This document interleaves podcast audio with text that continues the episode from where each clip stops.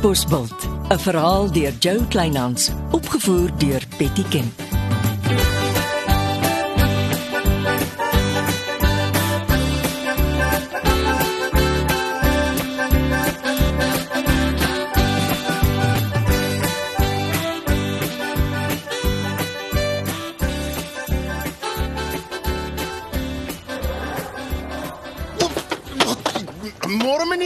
Dis nie aldag dat meneer vir my in die polisiestasie kom kuier nie. Sit asseblief sergeant en en môre. Uh, lekker om meneer te sien. Nee, ek ek hoor party mense is skielik in beheer van die polisiestasie omdat sommige mense met verlof is. Ja, skielik. Ek vat nie grond nie. Is dit toe verpligte verlof?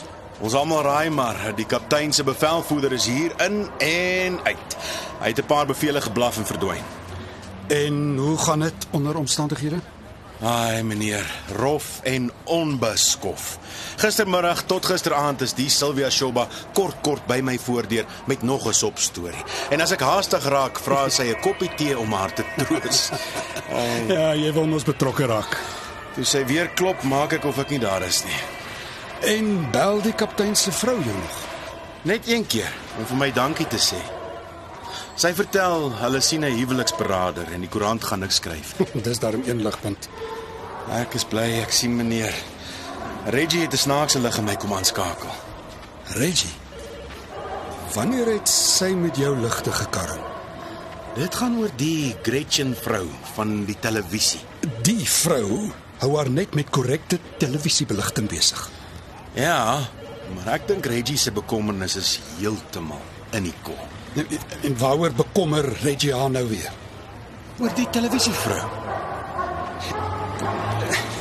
Wanneer het Reggie oor haar gekla? So 'n dag of wat terug. Sy het my kom uitvra oor die televisievrou se geskiedenis met mans. En toe steur jy jou aan Reggie se uitvraag. Haai meneer, ek gee om vir meneer en vir meneer Engelbregt. En toe doen ek goeie opcheckwerk.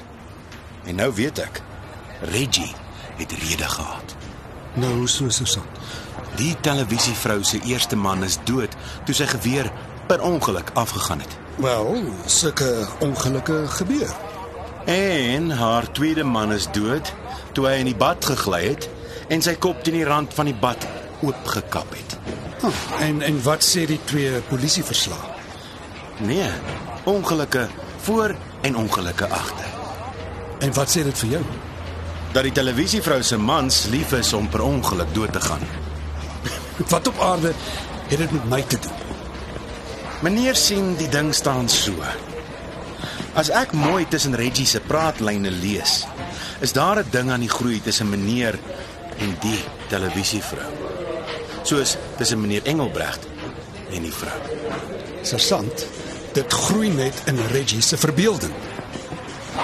Maar dan lieg sosiale media ook alweer. Ek lees toe agterna die vrou het by meneer oorgeslaap.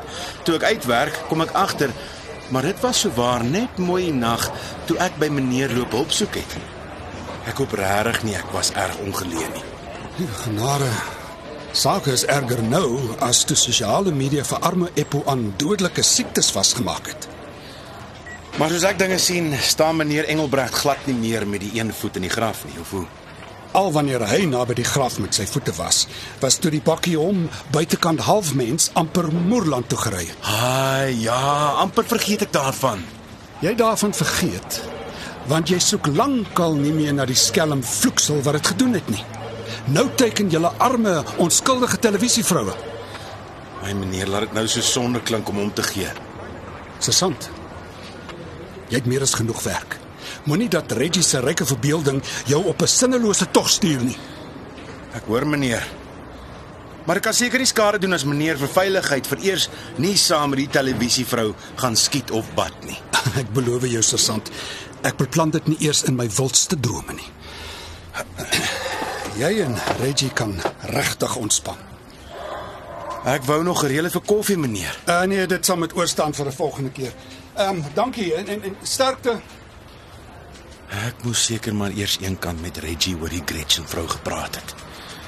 Meneer lyk omgekrap en vies. Probleme.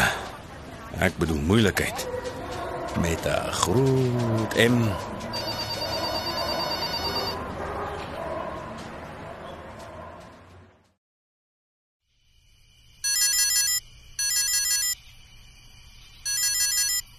Katbosbult polisiestasie goeienaand. Hoe kan ek die Ag, skus. Ek bedoel, uh, hallo Reggie, skus, my kop los my. Is daar fout? Ek sit in my motor en kyk hoe Gretchen weer by hom kuier. Reggie, jy kan dit nie aan jouself doen nie. Ry huis toe en klim in die bed. Dis die regte ding om te doen. Meneer is groot genoeg. Ek weet. Maar hier sit ek en bekommer my dood na alles wat jy my vanmiddag vertel het oor die vrou. Ek moes dit nooit gedoen het nie. Sy gaan vir ryk weewenaars Jakes, dis verseker. Eers vir meneer Engelbregt en nou vir meneer Geertsema. Jy het opgelees. Natuurlik moet ek oplees. Dis my baas hulle en ek gee om vir hulle. Jy weet vir die eerste keer is ek spyt Chrissy se leë trap nie meer hulle drempel plat nie met haar kosblikke en koekblikke en bakke. Chrissy. Chrissy. Maar hoekom help jy haar nie om vir hom te gaan kuier nie? Vir meneer Geertsema. Ek is seker jy kan iets reël. Jakes. Jy bedoel Ek bedoel soos 'n ernstig kuier. Jakes. Jy is briljant. Ek is ek het my helder oomblikke. Uh, laat maar weet as ek iets van my kant kan doen om sake te bespoedig. Sterkte.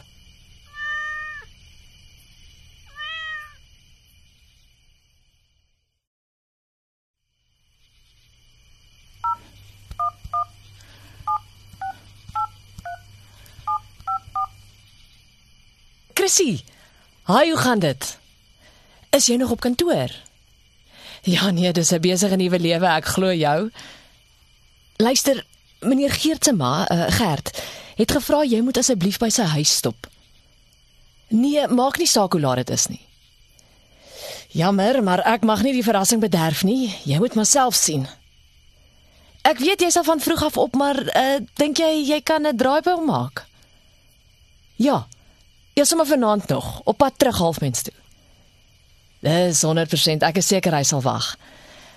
Hy geniet altyd jou geselskap. En hy het nogal opgewonde geklink. nee, nee, my lippe is geseël. Gaan kyk maar self. Goed. Dis 'n plesier, veilige ry en uh, dankie. Hy wag vir jou. Jy kan maar ry, Reggie. Hulp is op pad.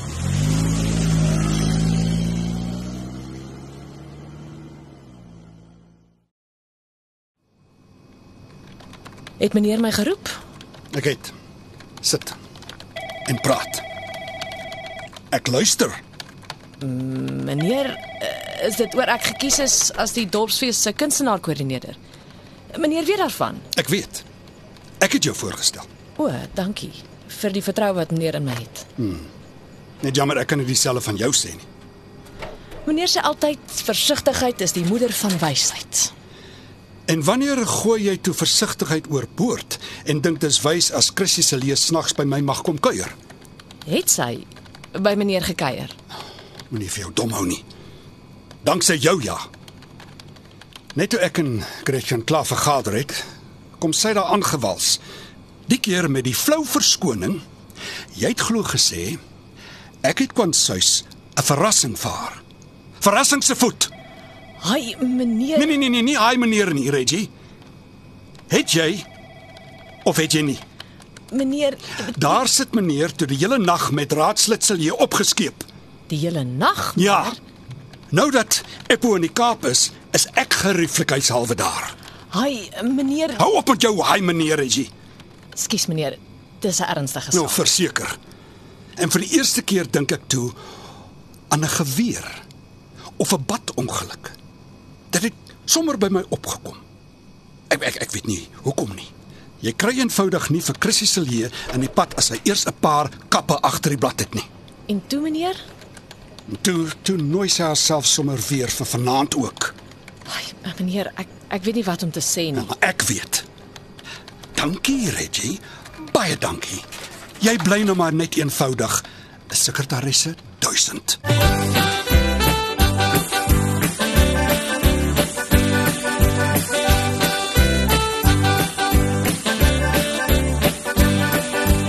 Was Katbosveld deur Jo Kleinhans. Die tegniese versorging is deur Marius Vermaak. Katbosveld word vervaardig deur Betty Kemp saam met Marula Media.